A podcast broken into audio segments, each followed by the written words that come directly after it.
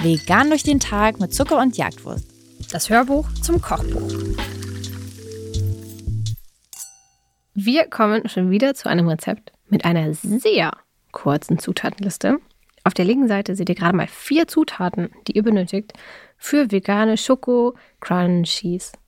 Auch das ist ein Copycat-Rezept. Ähm, eigentlich ähm, bezieht sich dieses Rezept natürlich auf das Original der Schoko Crossies, die aber von einem Konzern hergestellt werden, den wir nicht so gut finden. Ähm, das ist nämlich eigentlich ein Nestle-Produkt. Deswegen machen wir es einfach selber. Wir sind ja nicht doof. Wenn ihr Schokocrossies nicht kennt, oder äh, wie wir sie nennen, Schokocrunchies, ähm, das ist im Endeffekt ein kleiner Schokoladenberg aus Cornflakes und Nüssen.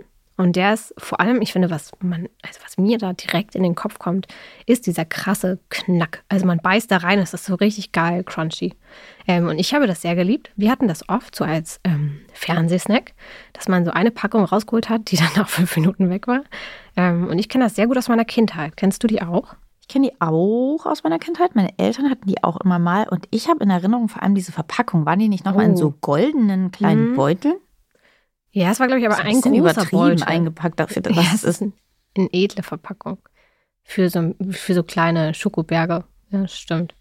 Ähm, aber ich habe die wirklich sehr geliebt, deswegen ähm, habe ich mich riesig gefreut, als ich die das erste Mal selber gemacht habe und probiert habe. Und ähm, mir direkt wieder die Assoziation zu früher kam und ich das Gefühl hatte, ich sitze wieder mit meinen Eltern auf einer Couch und esse Schokokrossis. Ähm, also wenn ihr die auch geliebt habt, dann macht die selber, weil ähm, wir haben, glaube ich, bei den Bounty schon gesagt, dass das wirklich ein sehr einfaches Copycat Bounties? ist. Moment, du meinst unsere Kokosregel? ja, Kokosregel. Ein paar Seiten müsst ihr vorblättern. Aber dieses Rezept ist noch einfacher, fällt mir gerade auf.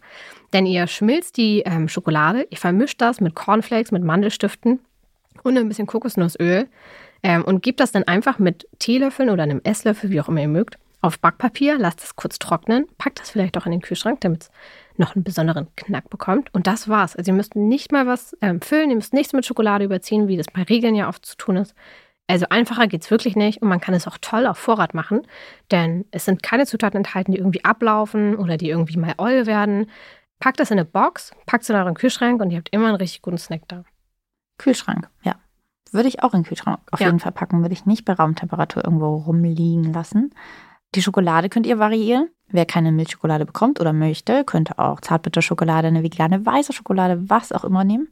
Ich frage mich gerade, ob man wohl statt der Cornflakes auch so halt eine ungesündere Variante an Cornflakes sozusagen nehmen kann. Nicht die üblichen, sondern Schoko-Cornflakes, was ist so Fruit Loop-Varianten. Ja, kann man, aber ist natürlich auch süß süß und natürlich ein bisschen anders Geschmack. Aber klar, im Endeffekt sind es einfach nur irgendwas Krosses, wird mit Schokolade überzogen. Ähm, da könnt ihr nehmen, was ihr so wollt. Gut schmeckt der Eigengeschmack, aber es gibt ja sowas, so diese Zimt-Cornflakes mhm. oder so.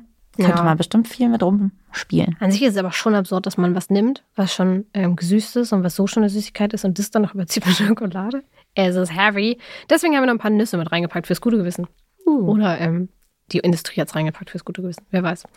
Ähm, ja, aber es ist richtig, richtig schnelles Copycat-Rezept. Ähm, kann man toll machen für einen Abend, wenn Freunde oder Freundinnen vorbeikommen, wenn die Familie vorbeikommt. Ähm, ich liebe die sehr ähm, und müsste die wirklich auch öfter mal machen.